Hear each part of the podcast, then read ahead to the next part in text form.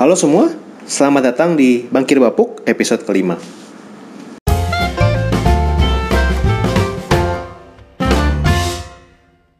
Makasih buat kalian yang udah tetap sediakan waktu dengerin uh, semua semua episode. Gue juga makasih buat semua kritik dan saran yang masuk ya, terutama di sisi kualitas recording. Semoga gue bisa tetap karena memang keterbatasan device juga, nggak seperti podcaster profesional yang lain. Gue berusaha improve tetap ya. Semoga akan tetap terdengar bagus mulai dari episode ini. Nah minggu ini gue hektik banget. Gue udah dinas lagi di salah satu ibu kota provinsi ya di daerah Sulawesi. Dan gue nih recording dari kamar hotel karena gue abis ini langsung balik. Dinas ini juga mendadak dan syukur aja baru-baru kelar bisa dibilang dinasnya. Besok gue balik lagi ke tempat asal. Terus ini udah minggu kedua November ya guys Terus gue juga minggu ini bakal cuti karena gue nggak bisa cuti di Desember pasti. Uh, gue minggu ini bakal cuti sampai minggu depan. Kebetulan ada temen gue yang nikah, jadi gue harus hadir dan kayaknya bakal sampai minggu depan. Jadi kemungkinan episode 6 akan terlambat. Tapi gue akan usahakan tetap on time. Semoga bisa gitu. Gitu berarti gue akan recording di Jogja minggu depan. Kemudian langsung aja recent update ya gue nggak akan basa-basi di sini karena topiknya lumayan panjang tentang pelatihan. Nah, Bang Muamalat, uh, halo bagi ada yang pendengar orang-orang dari Bang Muamalat, mereka mau right issue. Nah, di artikel di CNBC sih bilang bakal di-issue sekitar 32,96 triliun. Dan baru mau dibahas di RUPS LB 16 Desember. Ya, apa pun keputusannya, jadi apa enggak, kabarnya udah ditunda tiga kali. Ini salah satu upaya penyehatan sih ya bagi muamalat yang sedang dalam penget, eh, kondisi modal yang sangat ketat gitu. Nah, udah beberapa investor yang kabarnya udah antri di due diligence untuk hmm, berpartisipasi katanya. Terus gini buat teman-teman yang nggak tahu kenapa mereka harus slide issue atau isu saham lagi.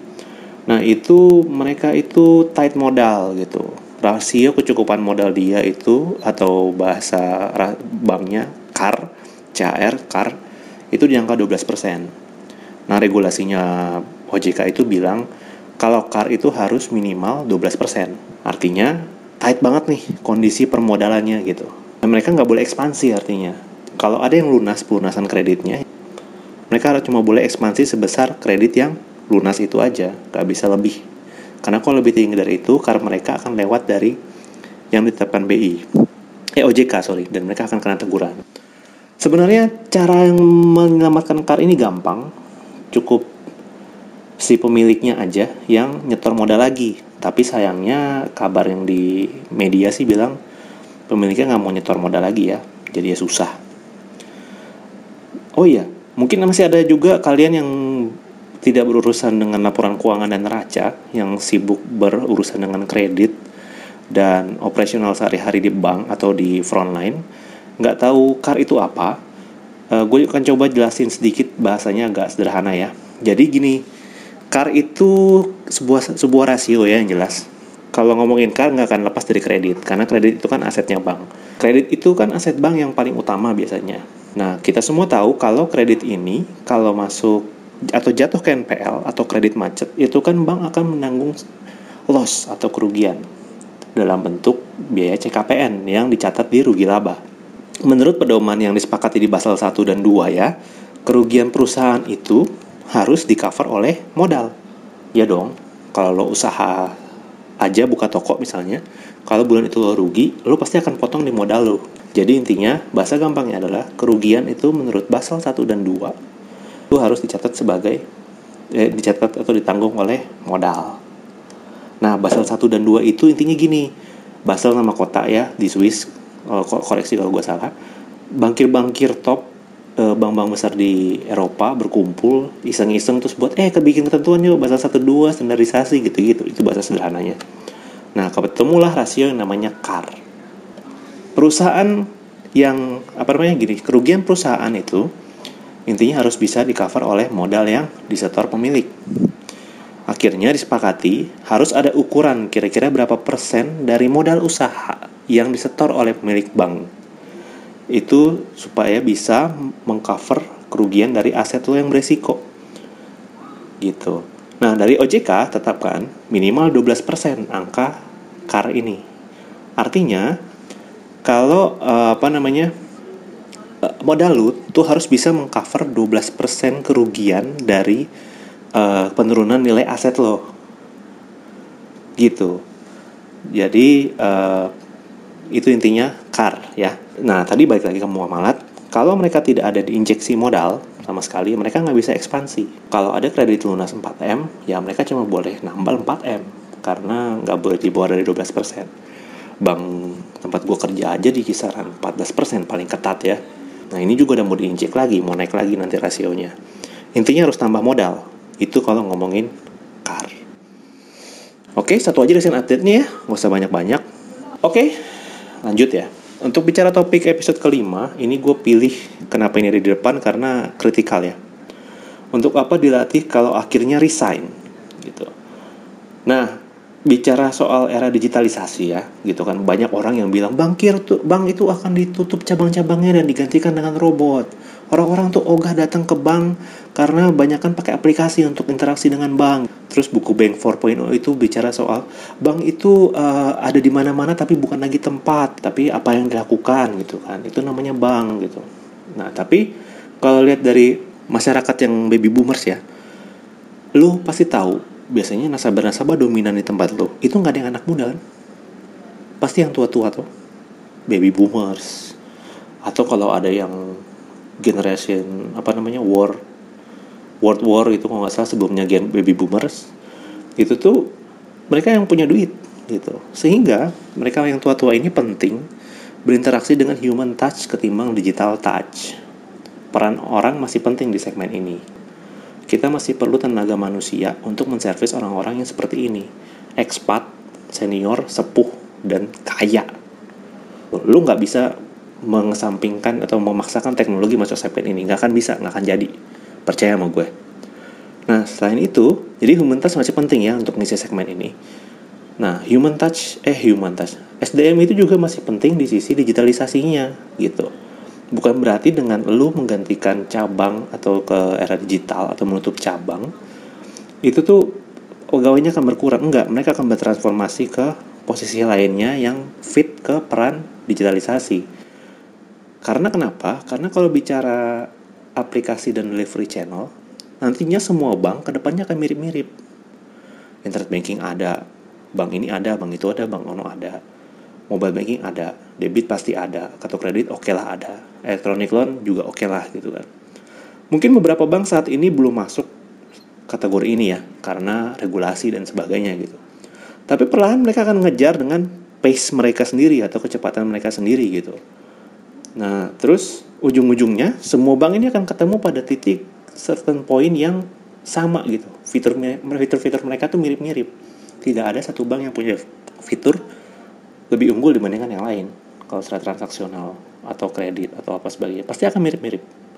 Nah, kemudian pada titik ini yang akan menjadi pembeda dari satu bank dan bank lain adalah orangnya, bukan teknologinya orang di belakang dari teknologi itu yang akan signifikan ke menjadi pembeda atau advantage dibandingkan bank yang lain. Maka dari itu, investlah di SDM seiring dengan invest lo di teknologi. Nggak boleh timpang gitu istilahnya. Itu sih menurut pendapat gue ya. Makanya bicara digitalisasi dan menafikan SDM lo itu adalah bullshit. Gitu. Ngomong kosong besar. Bicara soal pelatihan di karyawan bank, ada dua model organisasi sih biasa yang dipakai oleh bank kalau mereka mau address pelatihan. Biasanya yang pertama itu mereka akan dikelola pelatihannya oleh satu unit khusus namanya corporate university atau unit diklat. Jadi dia dipisah dari SDM ke SDM atau bagian umum. Nah, yang kedua, ada juga yang fitur diklat itu digabung sama SDM. Biasanya untuk bank-bank yang ukurannya nggak terlalu besar atau ukur, karyawannya itu ada di bawah eh, sepuluh ribu jiwa lah, jadinya nggak terlalu masih bisa di manage oleh SDM yang existing. Nah itu mau bicara organisasi ya. Nah mereka ini mengelola portofolio pelatihan biasanya. Nah bicara pelatihan itu ada dua kategori biasanya. Pelatihan yang sifatnya mandatory, contohnya itu BSMR, brevet pajak, SESPI, AAJI, WAPERT, dan sebagainya, itu mandatory karena posisi gitu kan. Nah, kemudian ada sifatnya pelatihan yang additional, itu kayak certified financial modeling, gue ya, gue certified financial modeler, uh, terus certified financial planner gitu gitu kan. Dan sertifikasi lainnya yang di luar dari itu atau cuma sekedar membuka seminar wawasan digital banking gitu kan additional pelatihan gitu. uh, biasanya di CLAT atau corporate university atau SDM ini untuk pelatihan mandatory itu akan menunggu giliran atau pegawainya akan digilir. Batch ini si A batch B si A karena orangnya pelatihannya harus orangnya terbatas antriannya banyak jadi yang ngantri pasti nunggu giliran. Bakal pasti dilatih gitu istilahnya. Nah tapi kalau yang nggak man, mandatori ini yang biasanya yang repot gitu. Begitu yang anak-anak muda terutama anak baru misalkan dia ngajuin pelatihan gitu ke atasannya atau ke SDM atau ke corporate university biasanya langsung kena teguran pertama dari Gen X atau baby boomers nih. Yang pernah nggak sih lo denger kata-kata kayak gini ngapain sih lo ikut pelatihan ginian? gitu. Kalian semua kan nggak akan stay lama di sini gitu. Anak-anak muda sekarang kan cuma ngumpulin sertifikat aja terus resign. Berarti memang sebelum-sebelumnya ada Gen Y dan Gen Z atau anak, -anak muda sekarang atau staff yang cuma ngumpulin sertifikat terus lo keluar. Dan buat lu orang-orang kayak begini fuck you man. Sumpah. Kesel gue sama orang kayak gini. Kasihan sama orang-orang lain yang niat stay di perusahaan lu gimana ya sakit hati gak sih? Maksudnya lu mau pelatihan tapi lu di counter kayak gitu gitu kan soalnya. Oke okay lah oke okay lah kita misalkan mengalah gitu sama senior yang di SDM bilang oke okay, pak kalau gitu gue nggak jadi ngambil pelatihan ini gitu. Nah lu aja yang ngambil pelatihan ini. Lu pen, ini penting lo pelatihan buat lu pak gitu istilahnya.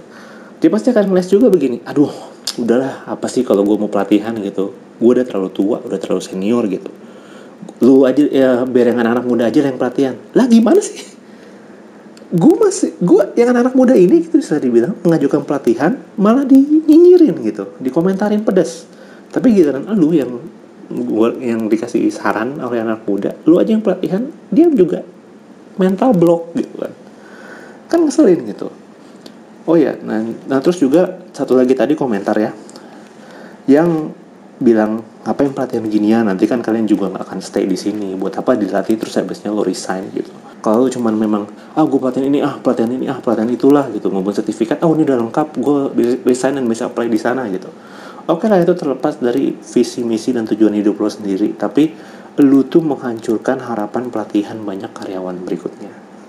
Please kalau mau resign dan lu komit lama ya baik-baiklah gitu keluarnya nggak cuman dengan cara ngumpulin sertifikat terus keluar ya. Itu komentar di luar topik utama gitu. Oh lanjut lagi ya. Nah tadi bicara tentang pelatihan itu jadi ada yang uh, dua model dikelola oleh diklat terpusat atau uh, diklat sendiri atau dikelola oleh STM langsung. Lalu ada pelatihan mandatori ada juga pelatihan yang additional. Berikutnya kenapa pelatihan ini penting bagi SDM terutama di bank ada satu teori yang teori sotoy gue nih. Teori ini gue sebut tiga level kepuasan pegawai. Jadi three level of employee satisfaction. Bicara employee satisfaction gue punya experience sekitar 2-3 tahun lah. Jadi part dari tim yang mengelola ini di perusahaan atau di bank gue yang lama. Nah ada teori yang lo tau dari Towers Watson. Gue nggak tahu sekarang Watson merger dengan apa lagi jadi namanya apa. Terus ada Gallup ada juga dari teori yang lainnya. Cuman ini teori gue sendiri. Teori customer eh, employee satisfaction.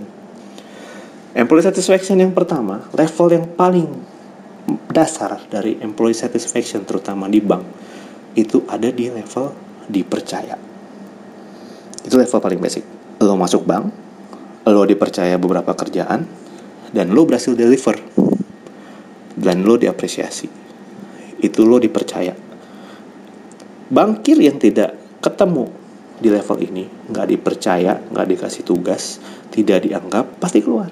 Biasanya bukan karena memang dia nggak bertalenta, tapi ada beberapa karyawan lain yang pendar sinarnya itu lebih kinerjanya lebih gemilang dibanding yang lain sehingga ketutup. Nah sehingga itu level pertama. Kalau dia nggak dipercayai oleh atasannya atau oleh organisasinya dalam sistem yang ada di situ, seorang karyawan atau seorang karyawan bank itu pasti keluar.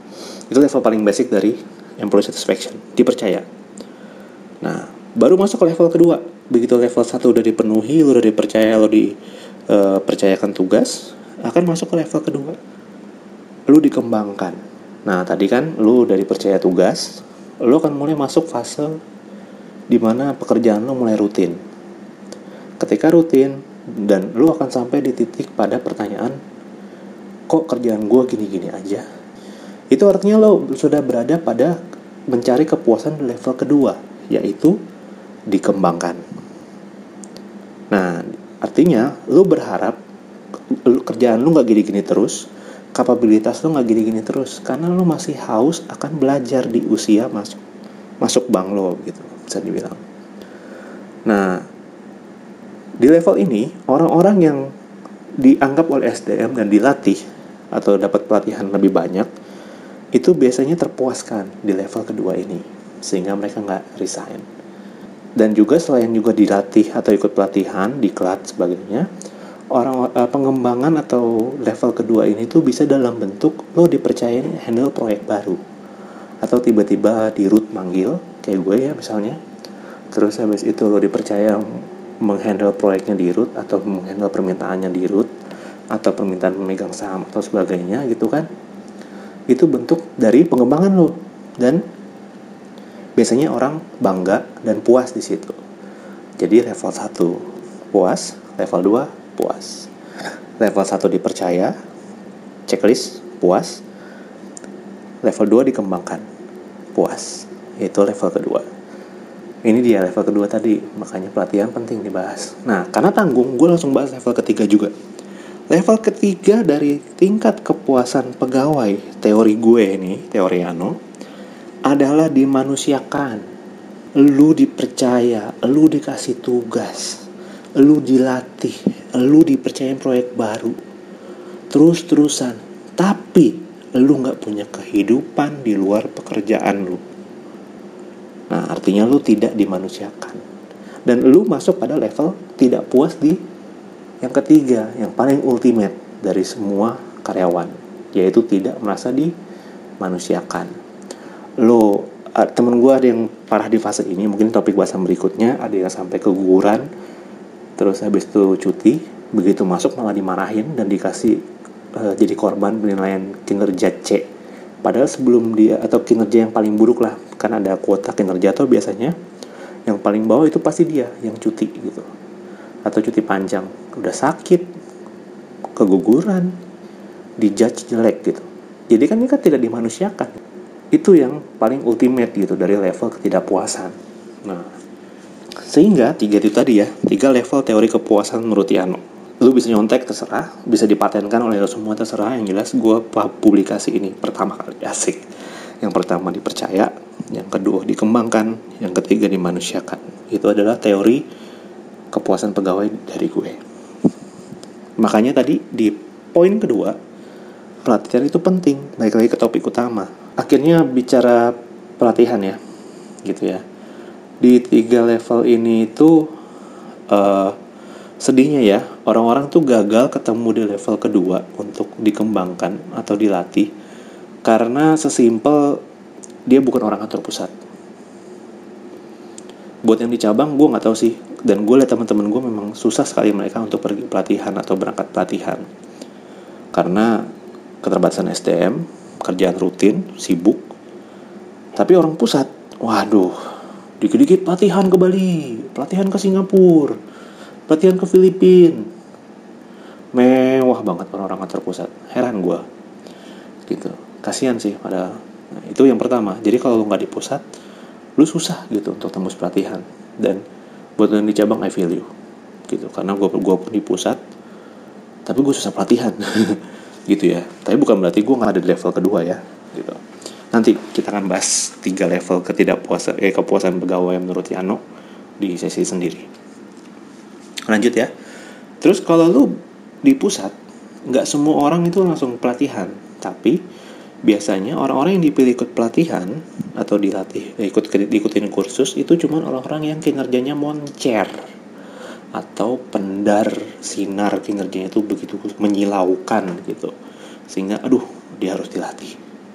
Itu duluan tuh biasanya mereka. RM-RM top dilatih pergi pelatihan gitu kan. Terus uh, analis-analis top di perencanaan gitu atau di uh, akuntansi atau di mana ya kredit gitu kan. Kebijakan kredit itu biasanya mereka ikut pelatihan selalu. Pada uh, mereka senang sih pelatihan. Yang mereka nggak senang adalah begitu mereka pulang pelatihan pendingan lembur mereka banyak banget coy. Namanya juga sosok tak tergantikan gitu kan. Jadi yang nggak dapat ya, ya. Begitu mereka pergi pelatihan sebentar aja ya pendingan udah banyak gitu. Nah beda hal dengan yang karyawan yang gaga GA GA gitu aja gitu aja. Singkatannya nggak jelas bedain aja intinya yang gitu-gitu aja itu susah biasanya dapat pelatihan dan itu kan bentuk lingkaran setan karena kinerja dia biasa aja ogah dilatih ya stuck di tingkat kepuasan kedua. Masa tidak dikembangkan. Padahal dianya menolak berkembang untuk berkinerja. Semoga teori gue benar sih sama juga sotoy kan? Nah itu cerita soal suka duka pelatihan. Itu sering kali yang terjadi di perbankan Nah berikutnya gue akan bahas sedikit nih topik uh, Mungkin kalau boleh saran Lu lagi pengen nyari kursus atau pelatihan apa di luar sana buat pengembangan diri Dan ada kuota dari bonus perusahaan lu yang Masuk dari jadi basket atau wallet untuk lo belajar gitu ya Dan lo harus ambil pelatihan itu atau jatah itu hangus gitu kan Nah, gue mau rekomendasi beberapa kursus. Yang pertama, gue mau rekomendasi yang namanya Financial Planner. Itu wajib menurut gue untuk perbankan. Karena gue pengen banget ngambil pelatihan ini. Satu, mahal banget. Yang kedua, gue bisa ngambil pelatihan ini secara finansial. Cuman secara izin, gue gak diizinin begitu sama kantor gue. Jadi ya banyak kan gue cuma otodidak aja buat financial planner. Kenapa? Uh, ini penting banget sih gitu. Kan lucu konyol gitu lo kerja di bank tapi pas udah pensiun karena lo nggak becus ngurus keuangan lo sendiri lo nggak dapat penghasilan apa apa atau lo nggak bisa nggak dapat apa apa gitu pas lo pensiun kecuali ya lo anak sultan atau lo kayaan orang tua lo itu nggak habis tujuh turunan gitu kan tapi kalau lo ada quote yang menarik sih quote-nya gini ya kalau lo lahir dari keluarga miskin itu bukan salah lo tapi kalau lo mati sebagai orang miskin, itu mutlak salah lo. Masuk akal juga gitu maksud gue. Jadi uh, jangan sampai salah kelola duit sampai akhirnya ketika pensiun lo akan menjadi the next yang akan membebani generasi anak lo sandwich generation gitu. Anak lo akan jadi sandwich generation. Jadi gue sangat suggest lo ambil kursus financial planner atau baca buku financial planner. Itu yang pertama kursus yang gue rekomend yang kedua Kursus yang gue rekomendasi adalah UX Specialist. UX Design, UX Thinking, UX Framework, atau User Experience. Kenapa? Karena ke depannya bank akan banyak mengembangkan aplikasi. Dan nggak ada salahnya lu mengambil bagian dari lu punya kapabilitas sertifikasi di sisi user experience karena itu akan dibutuhkan biasanya senior UX experience analyst gitu atau punya yang portofolio UX uh, eh, kursus itu ditarik ke unit pengembangan produk atau e-banking gitu biasanya. Ini penting juga karena arah bank akan ke sana.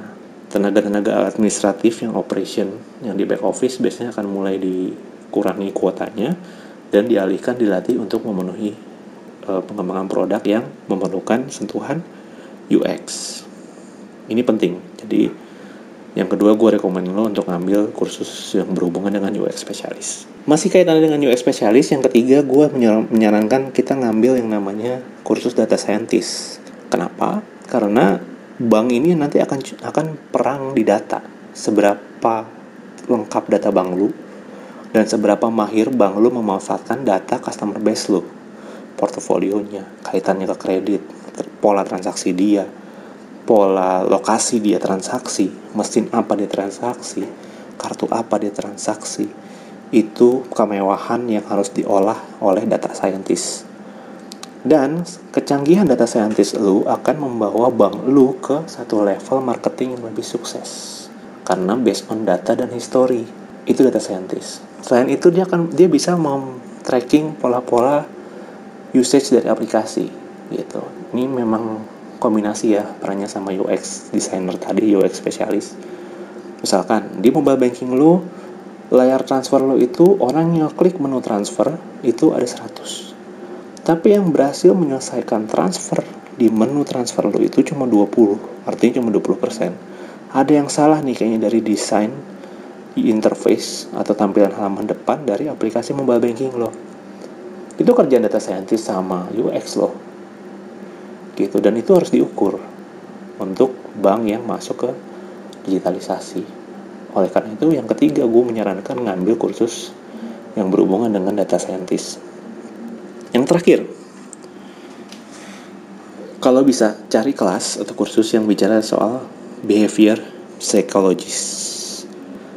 Kalau tadi data scientist memprediksi pola transaksi historis atau kebutuhan nasabah berdasarkan historinya, data yang sudah ada di bank, behavior psychologist itu mempelajari kemungkinan secara perilaku orang ini tuh mau beli apa ke depan atau perlu apa ke depan berdasarkan pertimbangan psikologis jadi seolah-olah dia menjadi si nasabahnya dan oh berarti gue akan ambil A dan setelah itu dari prediksi itu bank membuat inisi inisiatif marketing nah jadi ini kayak macam prediktif marketing action gitu jadi tiga ini akan critical UX spesialis data scientist dan behavior psychologist untuk posisi ke depannya. Tapi untuk pengembangan pribadi, please ambil financial planner. Itu rekomendasi gue. Tapi buat yang paling bawah biasanya behavior psychologist, ya kalau bukan psikolog ya susah gitu. Tapi ya yang lain-lain bisa lo latih sendiri, cari pelatihannya banyak, dan bisa lo latih di waktu senggang lo. Oke, itu mungkin topik kali ini. Jadi gue udah bicara soal bentuk-bentuk organisasi staging dari orang-orang pegawai itu kayak gimana sampai dia pelatihan dan berhubungan dengan pelatihan gue juga udah bahas soal pelatihan yang kira-kira recommended cerita-cerita balik semua itu terlepas dari cerita-cerita di belakang layar soal pelatihan yang berkualitas yang ada di bank ada satu quote yang famous dan lo pasti tahu hal yang paling buruk daripada melatih karyawan tapi habis itu mereka resign adalah tidak latih mereka sama sekali, tapi mereka stay. Sehingga Bang Lo akan dihuni SDM yang kapabilitasnya just enough, not even good, not even better. Jadi ya cuman pegawai-pegawai dengan kapabilitas yang biasa-biasa aja gitu. Dan akhirnya Bang lo akan dirunning oleh orang-orang yang biasa aja. Jadi kalau lo yang SDM di atau corporate university, please jangan segan invest latih mereka. Balik lagi ya, ada satu quote menarik juga dari seorang Richard Branson yang bilang bahasa Inggris sih bisa dibilang train them to live and trade them to stay. Latih mereka seolah-olah mereka akan keluar, jadi apa namanya dilatih sebisa mungkin gitu. Tapi yang penting adalah trade karyawan, trade treat karyawan atau perlakukan karyawan itu seperti mereka harus stay gitu. Seperti tadi yang gue bilang di tiga level apa namanya kepuasan pegawai tadi ya. Level terakhir dari kepuasan pegawai adalah dimanusiakan. Percuma lo latih mereka banyak mungkin. Percuma lo kasih project baru ke mereka gitu. Percuma lo masukkan mereka kategori star di rating pegawai lo atau kategorisasi talent di talent management lo tapi lu gagal memanusiakan mereka mereka nggak punya waktu di luar mereka nggak punya kehidupan mereka nggak difasilitasi untuk hobinya dan mereka nggak punya waktu untuk keluarganya bahkan untuk traveling yang tadinya dulu dia hobi traveling dan sekarang nggak bisa bang lu udah gagal gitu mentreatment manusia jadi jangan berpandangan bahwa nggak usah training deh nanti mereka juga resign nggak juga bos mungkin yang salah bukan di trainingnya tapi bagaimana perusahaan lo mentreat karyawan. Bagaimana akhirnya perusahaan bisa memanusiakan karyawan lu. Udah itu aja lah, udah panjang. Nah, makasih banget ya buat yang dengerin. Uh, sekali lagi, gue ngundang teman-teman buat email ke bengkelbapuk@gmail.com. Rekaman kali ini gue uh, single, satu single tape untuk semua, untuk satu semua segmen. Jadinya uh, semoga lebih gampang editnya Dan semoga bermanfaat apa yang udah gue bagikan. Makasih udah dengerin. Gue pamit. Happy weekend. Eh, belum weekend ini ya. Ya, jangan lupa bayar pinjaman, jangan lupa bersenang-senang, ingat nabung, jangan lupa investasi. Ciao.